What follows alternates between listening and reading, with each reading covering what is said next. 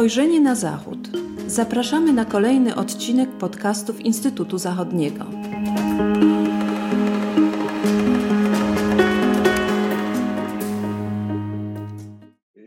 Witam Państwa serdecznie i pozdrawiam z Instytutu Zachodniego w Poznaniu. Ja nazywam się Stanisław Żerko, a moim gościem jest historyk także z Instytutu Zachodniego, dr Bogumił Rudawski, który zawiaduje także Instytutowym Archiwum II wojny światowej. A głównym przedmiotem badań doktora Rudawskiego jest II wojna światowa, okupacja niemiecka, a zwłaszcza okupacyjne dzieje Poznania i Wielkopolski. E, nie tak dawno, chyba trzy lata temu, trzy i pół, e, w Instytucie Zachodnim ukazała się gruntowna monografia doktora Rudawskiego pod tytułem Grabież mienia w kraju Warty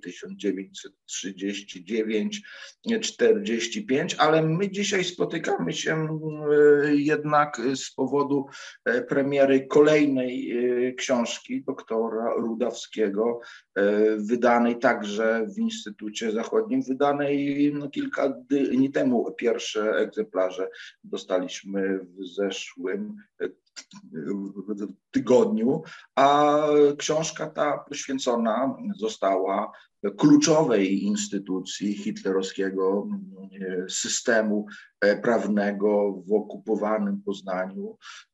Tą instytucją był niemiecki Wyższy Sąd Krajowy w Poznaniu. E, tytuł książki brzmi Wyższy Sąd Krajowy w Poznaniu 1939-1945, zarys działalności wraz z wyborem e, dokumentów. Panie doktorze, pierwsze pytanie, e, takie podstawowe. Czym był Wyższy Sąd E, krajowy w Poznaniu i jakie miał e, znaczenie w okupacyjnym e, wymiarze niemieckiej sprawiedliwości, czy też może słowo niesprawiedliwości byłoby tutaj bardziej, bardziej celne. Pewnie tak. Dzień dobry Państwu.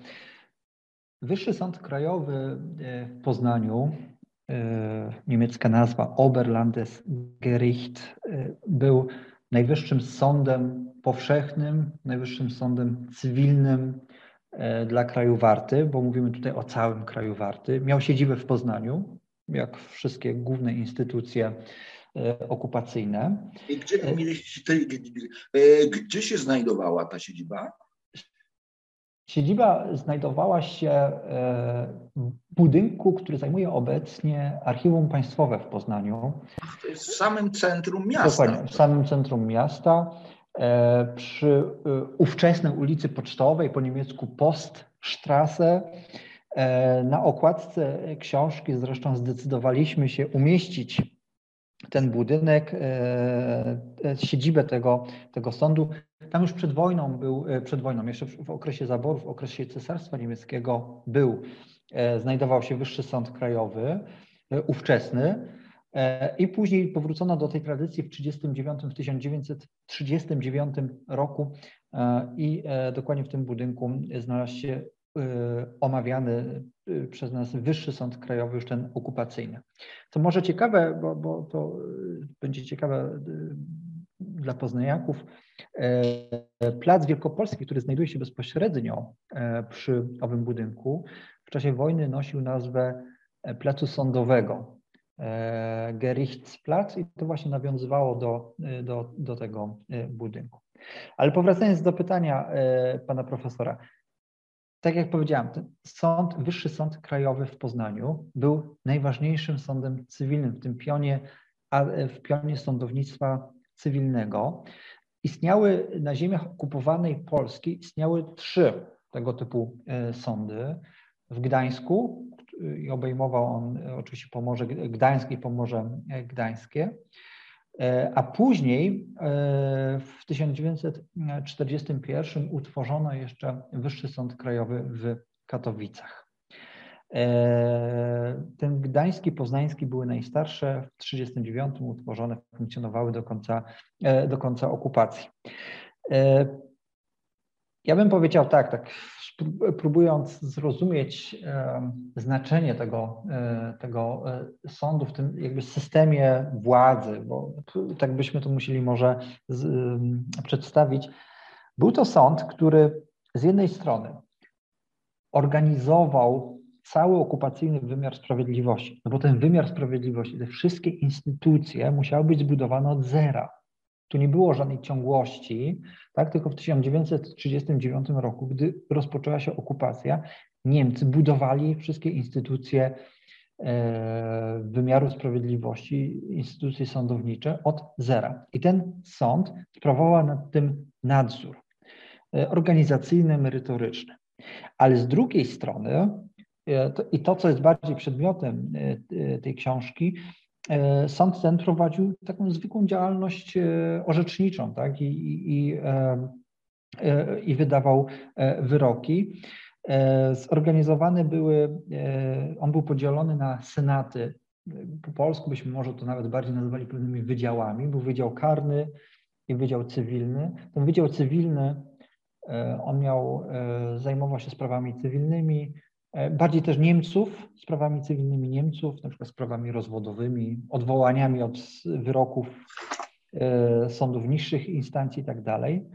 Natomiast Senat karny, Wydział Karny zajmował się e, tą działalnością na przykład konspiracyjną Polaków. Tam był ciężar położony, położony właśnie w tym Wydziale Karnym był ciężar działalności tego sądu położone. Znaczy, ale e, on się zajmował nie tylko działalnością polityczną, ale także no, przestępstwa pospolite też e, jakby podlegały e, chyba Rzadziej, rzadziej. To znaczy przestępstwa pospolite rzeczywiście pojawiają się w orzecznictwie sądu, czy na tych wszelkiego rodzaju rozprawach, które organizował sąd, ale to były z reguły już e, sprawy rozpatrywane ponownie. To były jakieś odwołania od, Aha, od sądów tak, tak. niższych tak. instancji. E, tym się zajmowały na te sądy, sądy e, obwodowe, sądy krajowej, takie sądy byłyby, ten sąd, wyższy sąd krajowy zajmował się tymi sprawami tak. e, najważniejszymi. Tak, i, pa, i właśnie pańska książka tutaj dotyczy mm, właśnie mm, przede wszystkim działalności Wyższego Sądu Krajowego jako instytucji niemieckiego terroru wobec ludności e, polskiej. I tutaj moje pytanie, w jaki sposób ten terror się przejawiał i jakimi sprawami się ten sąd e, mhm. zajmował? To jest nawiązanie do mojego pytania poprzedniego. Kiedy myślimy o okupacji czytamy o okupacji niemieckiej, e, w ogóle o III Rzeszy, to taką pierwszą instytucją, która nam się wiąże z terrorem, e, z e, terrorem organów wymiaru sprawiedliwości są sądy specjalne. Słusznie. Tak? Te sądy specjalne odgrywały ważną rolę, miały ważne, ważne znaczenie, również na ziemiach okupowanych, na ziemiach Polski. W Polsce funkcjonowały, w Poznaniu również funkcjonowały sądy specjalne, nawet więcej niż jeden. Co ciekawe, tak nawiasem, e, te sądy specjalne poznańskie nie, nie doczekały się w sumie żadnego, nawet mniejszego opracowania do dzisiaj, a, a e, pewne materiały są, więc, więc to jest pewien postulat badawczy e, na przyszłość, żeby się przyjrzeć sądom, sądom specjalnym. Natomiast część tego terroru, tej działalności, no powiedzmy wprost, wymierzonej w ludność cywilną przejął również Wyższy Sąd Krajowy.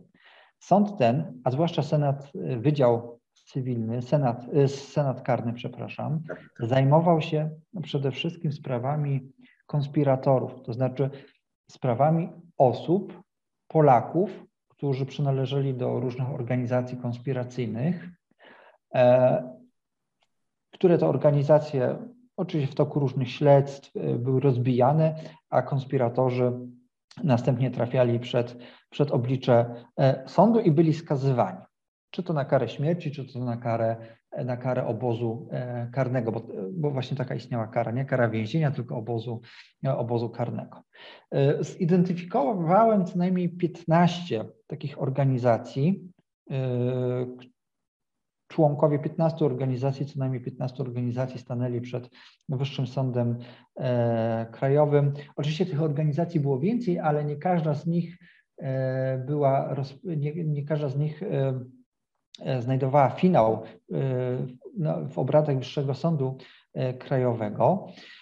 Natomiast to, co ciekawe, mm, sąd ten też zajmował się sprawami defetystów. E, to jest mniej znany aspekt y, działalności tej instytucji. Właśnie, i tutaj są też y, osoby narodowości niemieckiej. Dokładnie, tak? dokładnie. Ja, dokładnie. Bo tutaj my jeszcze będziemy mówili o y, konstrukcji książki. Ja tylko chcę tutaj zaznaczyć, że bardzo ważną częścią tej książki jest wykaz osób, które zostały e, skazane i na przykład niemalże obok siebie znajdują się Edward Fabiańczyk, który został skazany na karę e, śmierci za działalność organizacji konspiracyjnej. To się nazywało przygotowywanie zdrady e, satanu, ale tuż przed nim jest Karl Heinz Evers, który został skazany na 5 lat więzienia za defetystyczne wypowiedzi, które miały obniżać zdolności bojowe Rzeszy Niemieckiej. Mhm. Tak? tak. E, sprawy konspiratorów e, to był rok 1900, e, one się zaczęły w 1941, takie apogeum to był rok 1942, zwłaszcza miesiące letnie 1942, gdzie praktycznie prawie codziennie odbywała się jakaś rozprawa, a nawet po kilka rozpraw dziennie konspiratorów. Natomiast później, od roku 1944, kiedy no, po pierwsze, te organizacje konspiracyjne w dużej części były już rozbite. E, po drugie, e, sprawami konspiratorów czy, czy, czy w ogóle Polaków zaczęły zajmować się bardziej sądy policyjne, a nie sądownictwo powszechne. To sąd, Wyższy Sąd Krajowy zajął się przede wszystkim wtedy sprawami Niemców. I to byli Niemcy, obywatele Rzeszy Niemieckiej, w zdecydowanie mniejszym procencie Volksdeutsche, e, bardziej chodzi tutaj o tych rzeczywiście Niemców takich etnicznych, e, Niemców mających to obywatelstwo niemieckie. To były sprawy Niemców oskarżonych o defetyzm. Przy czym samo pojęcie defetyzmu jest bardzo szerokie i tutaj jakby rozumiano każdą działalność wymierzoną w, w Rzeszę, każdą działalność, która osłabiała morale sił zbrojnych, bo to i tak też można, można rozumieć.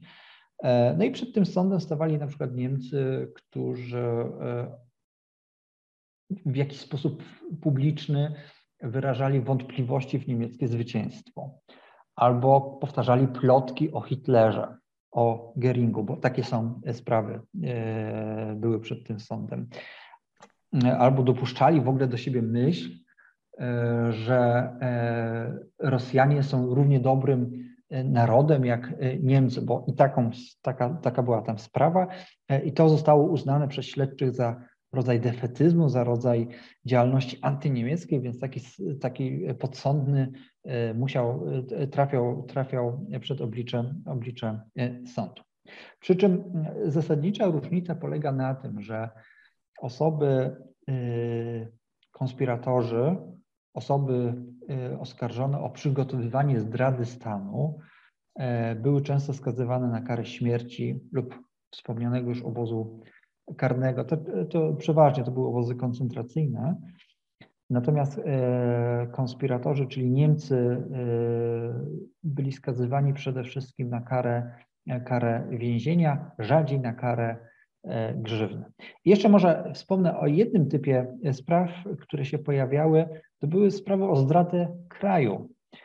I tutaj też często trafiali Niemcy lub też Polacy. Bardzo, bardzo różnie to tutaj wyglądało. E, którym zarzucano zdradę kraju, przede wszystkim współpracę na przykład z wywiadem, z zagranicznym wywiadem, przy dochodziło tu do sytuacji paradoksalnych, bo e, Polacy, którzy byli oskarżeni o zdradę kraju, e, byli sądzeni z tego powodu, że współpracowali przed wojną z wywiadem polskim. I Niemcy w 1939 roku i w kolejnych latach uznawali to za zdradę Rzeszy Niemieckiej, no i wytycza, wy, wytaczali im, im sprawę. No to kompletna już tutaj to taka wręcz sytuacja paranoiczna. I to były takie te trzy, moim zdaniem, najważniejsze, najważniejsze rodzaje spraw, i najważniejsze oblicze, główne oblicze terroru wymierzonego w ludność cywilną. Panie doktorze, w książce mamy dużo zdjęć osądzonych, osądzonych e, Polaków, ale mamy też kilka zdjęć y, Niemców, którzy stanowili kadry tego e, sądu, Wyższego Sądu Krajowego e, w Poznaniu, niemieckiego, którzy tam działali, którzy wydawali wyroki. Tak. Celem, moim celem było też zidentyfikowanie niemieckich sędziów, e, którzy wydawali te wyroki, bo oczywiście wyroki w sądzie mogli pracować wyłącznie Niemcy i to tylko niemieccy sędziowie e, orzekali. E, trudno w sumie powiedzieć, ilu tych sędziów, sędziów było. Udało mi się zidentyfikować grupę około 30, 30 e, e, sędziów. E, co, co ciekawe, może dodam, bo to trochę nam umyka, ale tak się składa, że akta osobowe tych sędziów, i to w miarę dość pełne akty osobowe, przechowywane są w obecnym Archiwum Państwowym w Poznaniu. To jest, są, to jest około tysiąca, tysiąca teczek. E, sędziów i tego sądu, również innych sądów. Sprawa e, w sumie od wojny praktycznie tak, ta nie były przeglądane z pewnymi, pewnymi wyjątkami. Natomiast to wyglądało w ten sposób, że sędziowie niemieccy, którzy byli przenoszeni na placówkę na tereny okupacyjne, podążały za nimi akta, po prostu całe akta osobowe, personalne, od, e, od e, studiów, począwszy po później przebieg kariery. I te akta w większości zostały w Poznaniu. Niemcy ani ich nie zniszczyli, ani ich nie wywieźli. One, one przetrwały wojnę i do dzisiaj są świetnym, świetnym źródłem, żeby, żeby poznać kadry, niemieckie kadry. Tak jak powiedziałem, Udało mi się zidentyfikować około grupę około 30 sędziów, mężczyzn, którzy, mm, którzy orzekali w tym sądzie, przede wszystkim w Senacie, w Senacie e, Karnym.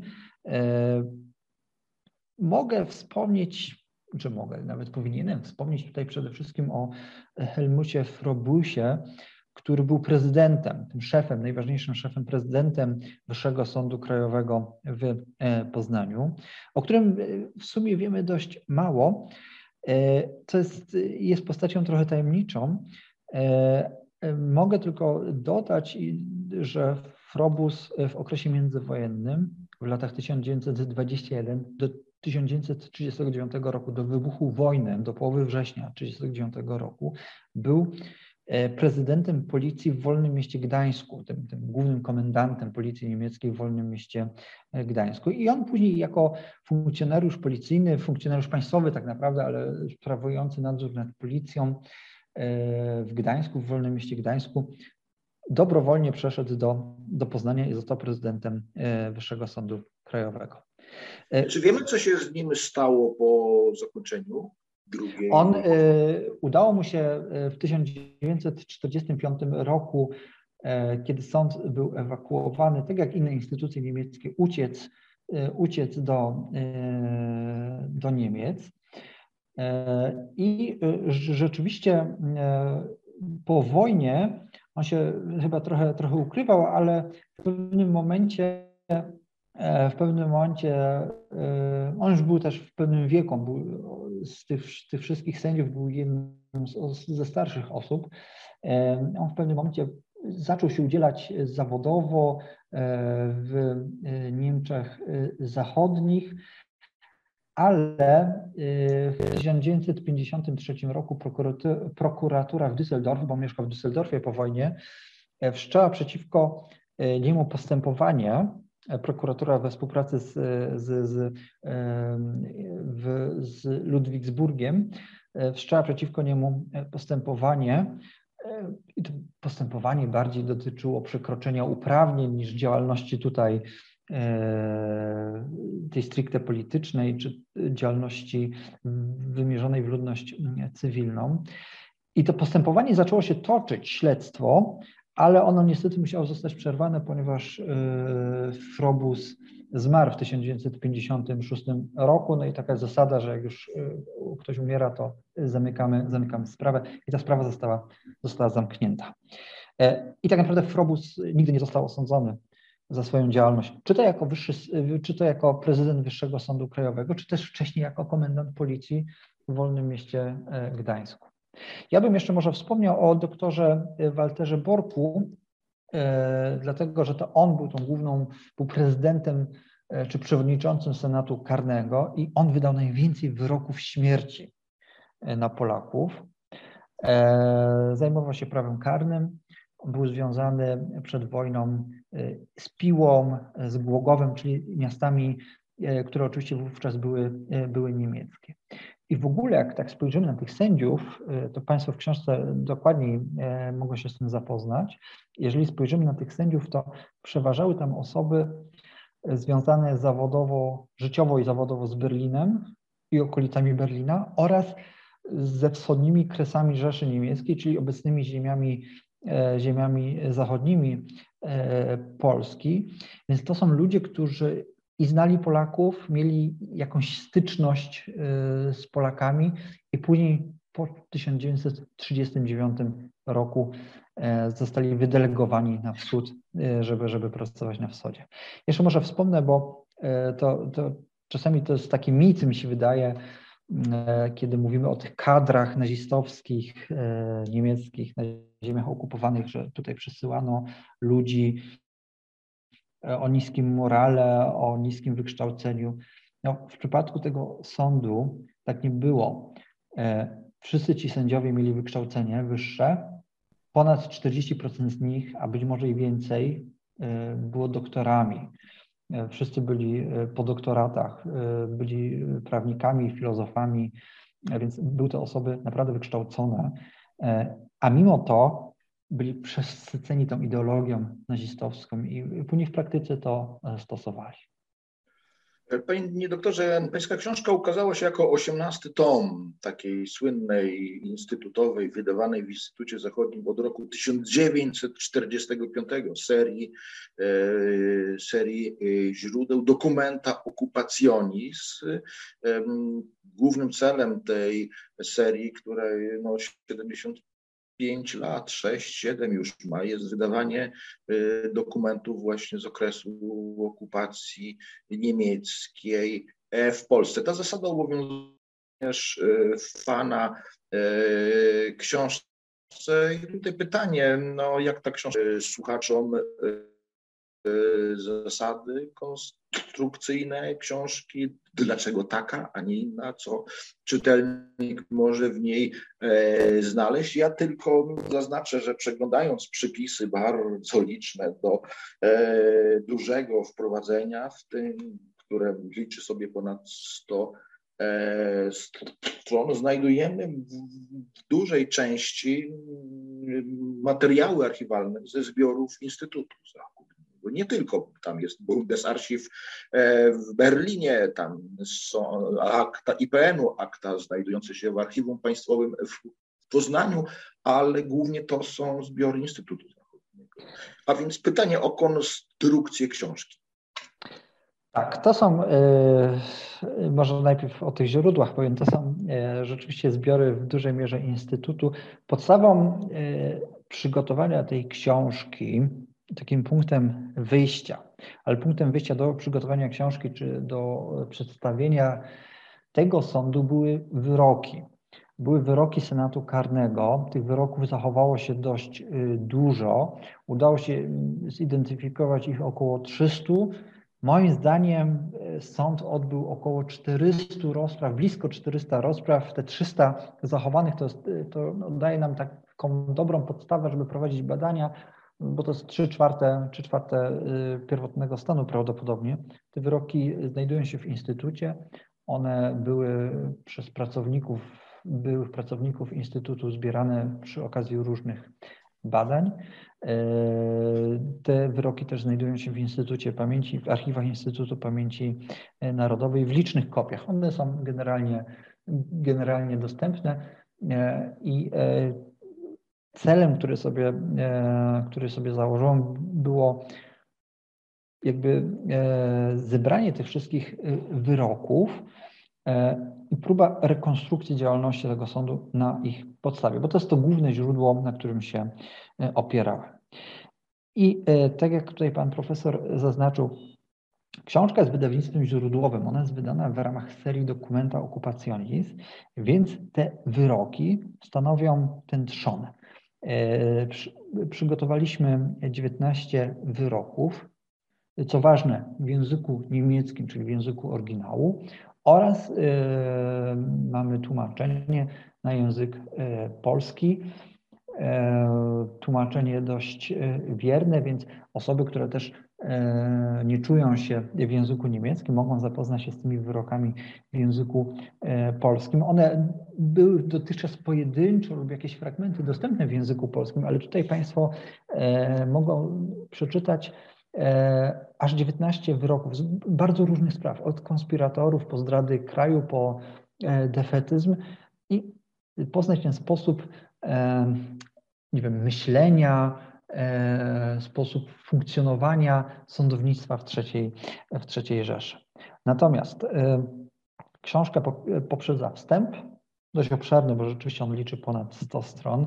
We wstępie omawiam różne aspekty działalności tego sądu, ale w takim szerszym tle próbuję to y, przedstawić jako tę instytucję, jako jedną z wielu instytucji i terroru, ale też wymiaru sprawiedliwości. E, nie jest to wstęp e, prawniczy, no nie jestem prawnikiem, jestem historykiem, jest bardziej wstęp omawiający tę, tę instytucję z punktu widzenia, punktu widzenia historii, historyka. Natomiast trzecią częścią książki, po wstępie i po edycji źródeł, stanowi dość obszerny aneks. Pierwsza część aneksu to jest taki chronologiczny wykaz rozpraw prowadzonych przez ten sąd, tych, które udało nam się zidentyfikować, oraz blisko, liczący blisko 1700 nazwisk, aneks podsądnych, osób, które zostały osądzone przez sąd, przez wydział, e, przez senat karny, e, karny tego sądu.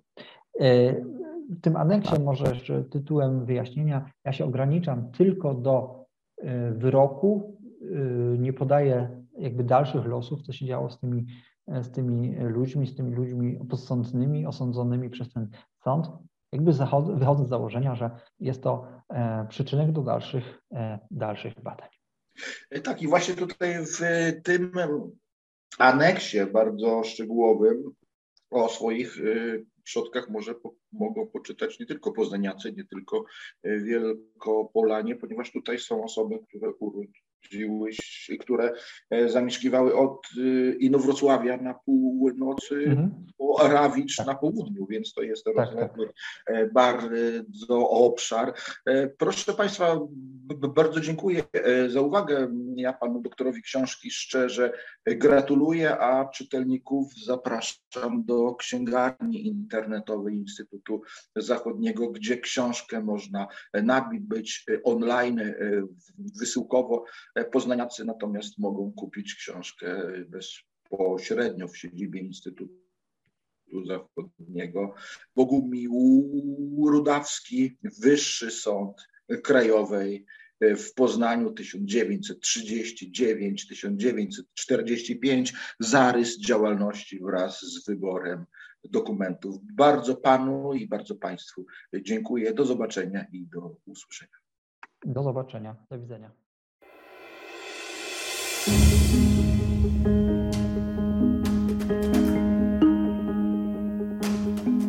Spojrzenie na Zachód. Podcasty Instytutu Zachodniego. Podcasty Instytutu Zachodniego dostępne są na platformach Spotify, SoundCloud i Apple Podcasts oraz na portalu YouTube. Zapraszamy do subskrypcji. Dzięki niej będą Państwo na bieżąco z wszystkimi naszymi nagraniami. Do usłyszenia.